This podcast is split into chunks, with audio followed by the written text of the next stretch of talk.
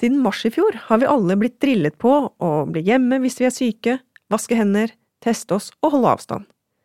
Men hva med de som ikke kan se hvor langt unna andre er? Hvordan skal blinde vite om de holder minst én meter avstand? Og hvordan er det egentlig å møte helsevesenet når den mest dominante sansen mennesket har, ikke virker som den skal? Her er det bare å spisse ørene og lytte, for i dag kan vi lære mye av Ranveig Bredesen, som skal dele erfaringer som blind med oss. Jeg heter Helen Brandstorp. Og jeg heter Espen Rostrup Nakstad. Velkommen til Helseaktuelt snakkes med Nakstad.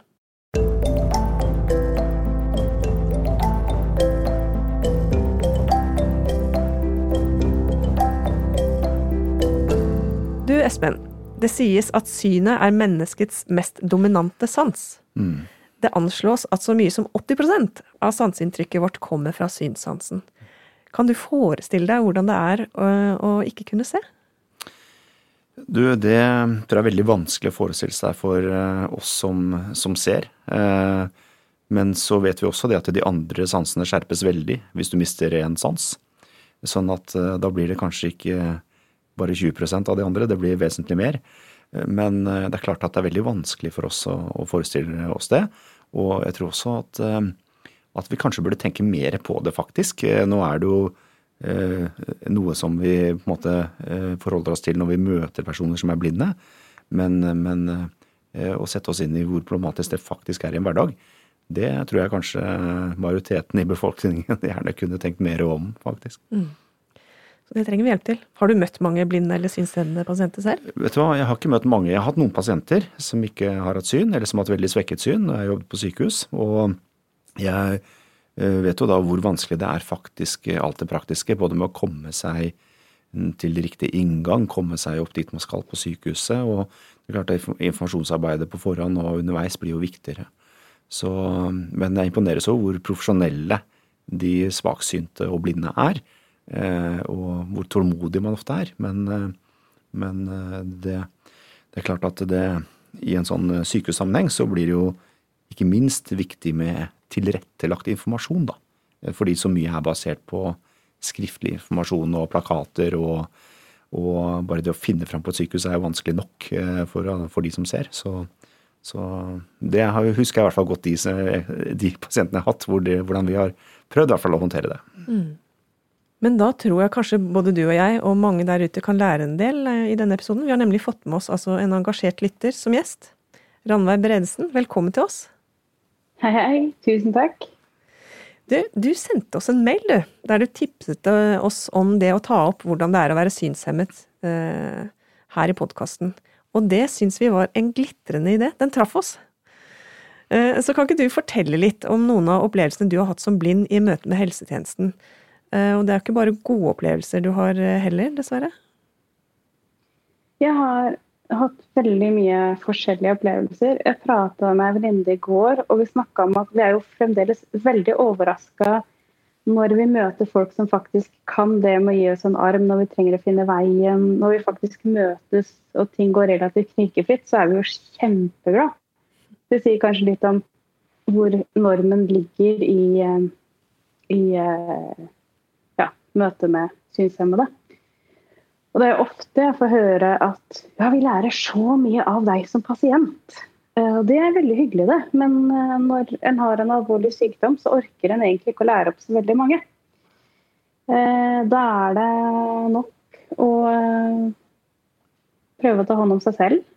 Mm. Men jeg har vært borti veldig mye løsningsvilje, veldig mye kreativ løsning. Mye apropos det Espen snakka om det å finne fram på sykehuset. Ja, det er kjempevanskelig. I hvert fall når du får en pasienttransport som ikke finner fram den heller. Og som blir sint på deg for at ikke de finner veien, f.eks. Mm. Eller at du får en lege som oppdager at du har hvitstokk og rygger, og sier 'oi, hvordan skal jeg løse dette?' Det, da kjenner man seg litt eh, eksotisk. Mm. Eh, eller sånn som jeg skulle gjennom et par operasjoner, og jeg hadde ikke peiling på hva Andre har sett ting på TV, film, bilder. Jeg ante ikke hva noe som helst var. Mm. Jeg ante ikke at det var en hel gjeng med folk som kom til å sitte og passe på meg når jeg lå i narkose. Jeg hadde ikke peiling. Jeg visste ingenting.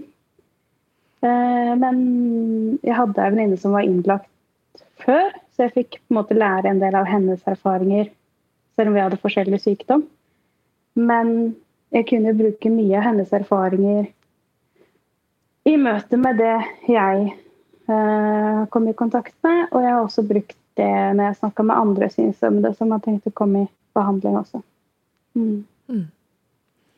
Så, veldig interessant å høre eh, hvordan, eh, når du forteller det du gjør, hvordan vi automatisk kanskje tenker at sånn visuell informasjon, det tar vi liksom litt for gitt. Altså at uh, det man informerer en pasient om på sykehus, er jo på en måte ting som allerede er satt i en sammenheng, fordi man tar liksom for gitt at man uh, vet hvordan en operasjonsstue ser ut, og man, man vet en del ting som, uh, som, gjør det for mange kanskje unødvendig å gå inn på detalj, men det, det er veldig interessant å høre det du sier om, om, hvor viktig det er å få den informasjonen, f.eks. hvor mange som passer på, da, og hvordan oppfølgingen er når du våkner opp og, og den type ting. Det, ja. mm. Og det var også viktig for meg å altså det var når, når de skjønte på en måte hvor lite jeg visste. Og jo mer kjent med, ble du kjent med meg du ble som pasient, jo lettere ble det selvfølgelig å tilpasse ting. Men det er slitsomt å gå gjennom den prosessen hver gang. Og det gjorde jo for så vidt at jeg slet med å søke opp helsevesenet i starten, fordi erfaringene hadde vært så blanda. Men jeg er veldig glad jeg gjorde det. Jeg fikk god hjelp. Mm. Det er veldig bra. uh, du sa noe om at du hadde snakket med en venninne. Er det Jeg vil tro det er sånn jeg kjenner litt sånn til hva skal man si, blindflekker og minoritetsproblematikk. ikke sant? At man eh, er så lei av at folk ikke skjønner og ikke vet. Og at man søker eh, fellesskap og forståelse hos de som virkelig vet og, og kan og og, og, ser, altså for å bruke en metafor, da, forstår eh, hvordan det er. Så jeg, bare jeg ble nysgjerrig. Blindeforbundet er jo i hvert fall veldig kjent. Er det et viktig, viktig møtested? Eller hvordan ja. ikke for meg. Nei. Mm. Jeg har ikke mitt fellesskap der. Men, eh, men jeg kjenner mange synshemmede, ja. Mm. Mm. Veldig bra. Det, ja, jeg tror kanskje den verste mm. kommentaren, den vanskeligste kommentaren jeg har fått, er vel faktisk ofte å få den Men du må jo se, for du greier deg så bra. Og den er litt slitsom. Eh, fordi da blir det en Da biter jeg enda mer tenna sammen og lar ikke folk vite at jeg trenger hjelp til det jeg trenger hjelp til. Fordi jeg skal jo liksom mestre ting så bra. Jeg er litt flink pike. Mm. Eller det at legene må fortelle hva de gjør eller sykepleieren også, må fortelle at ja, jeg skal stikke nå. Eh, ikke ja, det kommer et stikk om 10 sekunder, 20 sekunder, et eller annet. Da skvetter jeg. Da forsvinner alle mine blodårer fordi jeg blir så redd og skvetter. At uh, selv om jeg vet at det kommer en nål snart eh, Det å få kjenne på Første gang jeg fikk lov til å kjenne på operasjonsårene mine og faktisk se dem, det var så stort. det var så stilig å se. Eh, andre kan på en måte se det i speil eller se det andre steder, men jeg fikk ikke kjenne Eller når jeg fikk eierskap til min egen kropp igjen, så var det så fint å oppleve. Du, jeg sitter og tenker på at uh, det må jo være veldig utfordrende også, selv om da uh, de du kommer i kontakt med uh, når du er på sykehuset, vet at du ikke ser, og, og, og, på en måte tar høyde for det når de er der, så er det jo utrolig mange forskjellige mennesker man kommer borti på et sykehus. Det er jo ulikt personell hver eneste dag, og det, det hjelper kanskje ikke så mye å ha snakket med én lege før operasjonen når en annen lege har vakt på kvelden etter operasjonen. Så, så føler du at, at, det var slitsomt å måtte gjenta disse tingene, eller føler du at, at, at systemet rundt var godt nok prima, og at informasjonen gikk godt nok Eh, i Nei. ulike ledd, eller eh, var det vanskelig? Nei. Det var, mange det var en del som ikke ante at jeg var blind engang når de kom inn på rommet, f.eks. Mm. Ja, det hadde gått eh, helt hus forbi mange. Og det, det som var veldig kult på oppvåkninga, var at de kommenterte at vær veldig forsiktig med hva dere sier under Randveig, for den hører veldig godt hva dere sier. Eh, så snakk heller direkte til henne. Hvis dere skal gi informasjon, ta henne med på det dere faktisk skal informere om. Hvis det, det, er noe vi glemmer. Det blir det kanskje ekstra fint. viktig da, når, ikke sant, eh, for deg At, eh, at du får all den informasjonen som du ikke kan lese deg til eller få via via like lett. Ja. Det her er Altså, jeg, jeg kjenner fra andre sammenhenger så godt den derre Jeg er ikke vanskelig, det er bare dere som ikke skjønner problematikken. Er, ikke sant? Er det ikke litt det Man kjenner seg litt vanskelig òg. Ja. Men det er faktisk ja, akkurat med ja, innenfor det, det, En stor problematikk i helsevesenet er jo tolk, tolk behov for tolk. Ja, ja, men det er vi som- anerkjent. Jo, jo Hvorfor men er ikke det anerkjent at vi trenger ledsager? Det skjønner jeg ikke helt, egentlig. Ja, det er et godt poeng. Ja. Ja, Og det er, det er ikke den som har utfordringen som er problemet, det er vi som, uh, som er satt der til å hjelpe, som har tolkebehovet. Skjønner du? Det er det. Det er vi som har, ikke skjønner. Det er vi som Ja, Ja. for å snu på det sånn.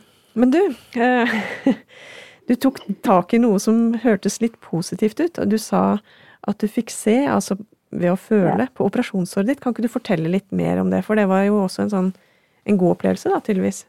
Mm -hmm. Jeg fikk oppleve første gang hvor eh, hvor de hadde fjerna bandasjene, og jeg spurte kan jeg få lov til å kjenne, selv om det liksom ikke er grodd ennå. Og de bare ja, selvfølgelig, det er bare dine bakterier, så det går fint. Jeg bare OK. Ja, Men da tror jeg jeg tør å prøve å gjøre det. Eh, Det var jo en interessant opplevelse. Det, eh, og det å plutselig få lov til å lytte til og med egen kropp, få lov til å låne stetoskopet, lytte, høre hva er det de jakter på, hva er det jeg hører. Mm. Eh, andre ser helt sikkert ikke sine egne røntgenbilder og sånn, men, men for meg var det en viktig opplevelse å få eierskap til min egen kropp igjen. Eh, få lov til å kjenne på en kanyle. Hva er en kanyle? De andre ser den, Mm. hvis de vil. Jeg ser den ikke. Mm. Eh, noen syns det er ok å kjenne på det, andre syns ikke det er gøy å se på det. Eh, og Siste kvelden turte jeg til og med kjenne på fragminsprøyta. Den store skrekken. Men, men eh, det var veldig gøy å se den og innse at å ja. Men det er fikk eh, spørsmål om de hadde lyst til å prøve å sette den selv, det, det, det turte jeg ikke. det fikk noen andre ta seg av. Da fikk du et godt samspill der, da. Når du lå Mm. Altså, de Det ble en positiv spiral, høres det ut som. At de liksom Oi, de skjønte mer og mer og Ja, noe mer kjent de ble med meg, jo mer kjent de ble med assistent. Ja. Når jeg fikk lov til å ha med det, så greide de å ledsage bedre, og greide å hjelpe meg bedre. Og, og det var fint. Og jeg tror de jobba bevisst også med at jeg ikke skulle få altfor mange å forholde meg til. Eh, Det hjalp veldig, det. Ja, det var jo veldig Det var fint å høre.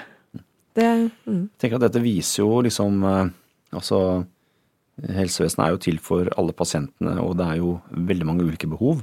Og vi er veldig vant til dette med språk, da. ikke sant? Altså, Det snakkes jo eh, 200 forskjellige språk bare i Oslo by, og tolketjenester og sånn har jo blitt bygd opp veldig mye de siste årene. Men, eh, men eh, det er jo også noe med hvor mange pasienter kommer inn med ulike behov. Eh, Og, og, og da blir det fort sånn at eh, de det kommer flest av, de, de blir man vant til å ha systemer for. Og de andre systemene blir kanskje ikke like finslipte like ofte. Så, så det som jeg sitter og tenker på, er jo at eh, den avdelingen du har vært på, og de har i hvert fall lært en del sånn eh, av å ha deg som pasient.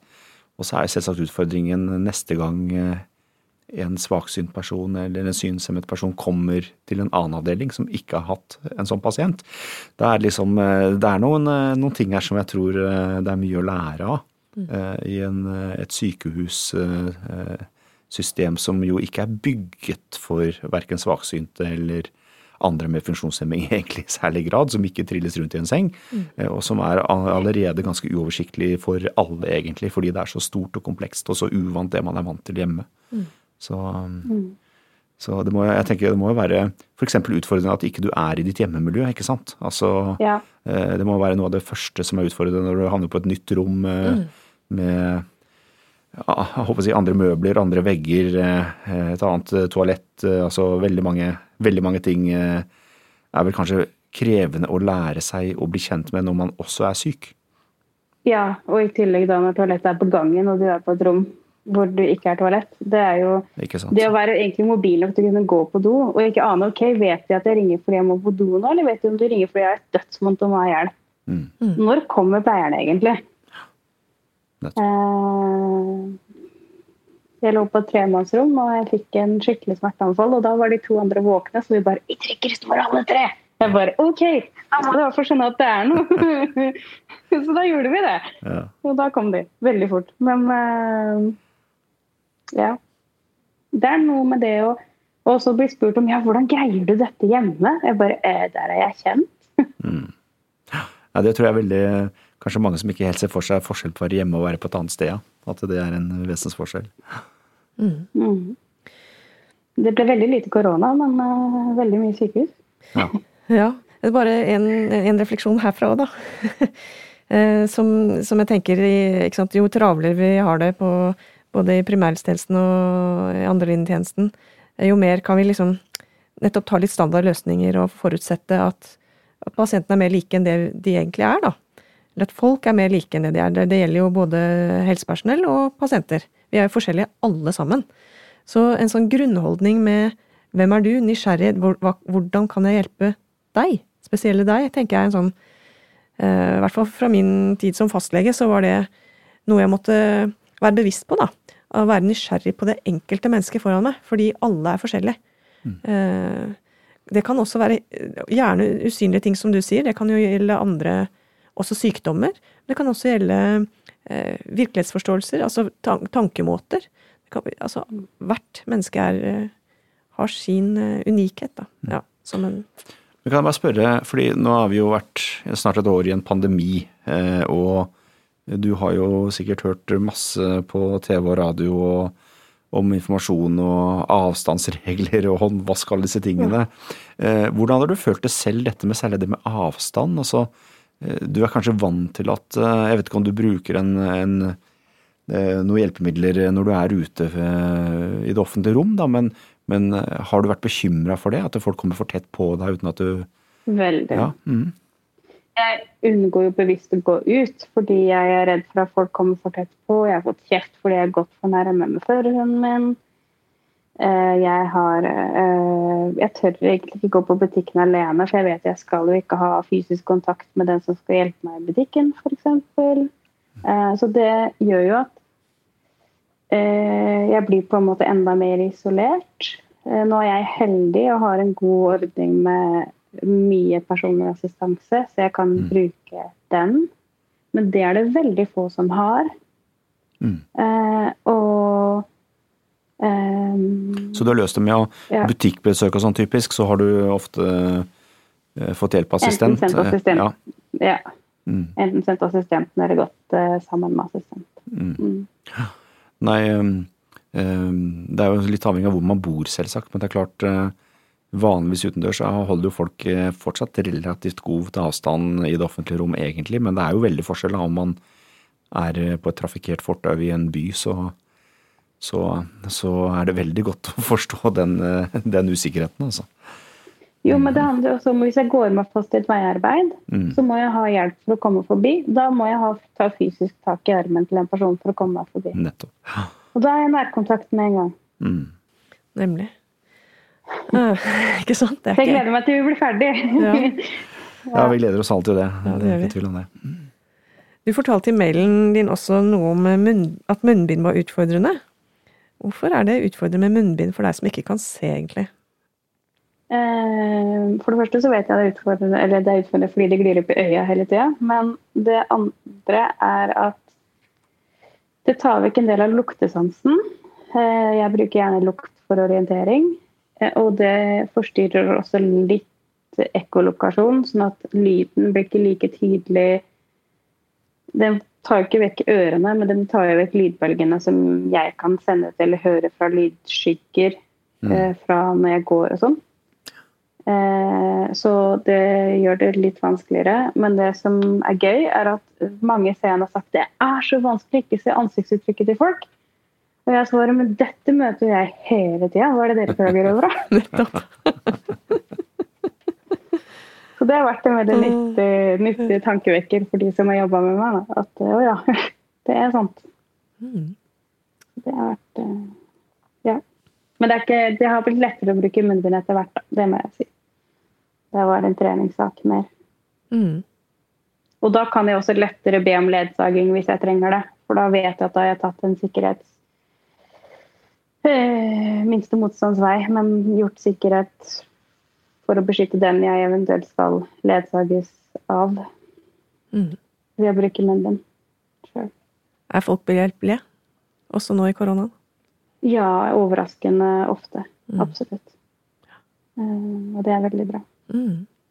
Dette, dette har vært veldig lærerikt, og vi har fått mye, jeg har fått mye å tenke på. Det tror jeg alle lytterne våre har også. Så tusen takk for at du har vært med og delt erfaringer eh, og historier med oss, Ranveig.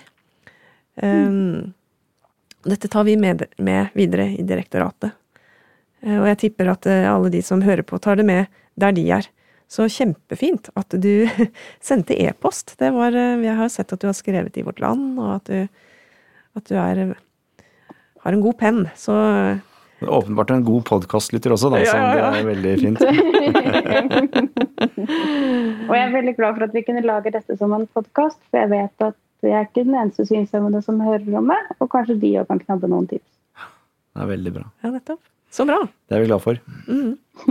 Tusen takk, altså. Ja, takk for at du var med. Og da skal jeg bare avslutte med nettopp eh, å lage litt reklame for det som Randveig gjorde, nemlig send oss gjerne en e-post, ris eller ros eller tips, til helseaktuelt, krøllalfa, helsedirr.no. Og da gjenstår det bare å si, som vi alltid gjør, Espen, vi snakkes! Det gjør vi helt sikkert.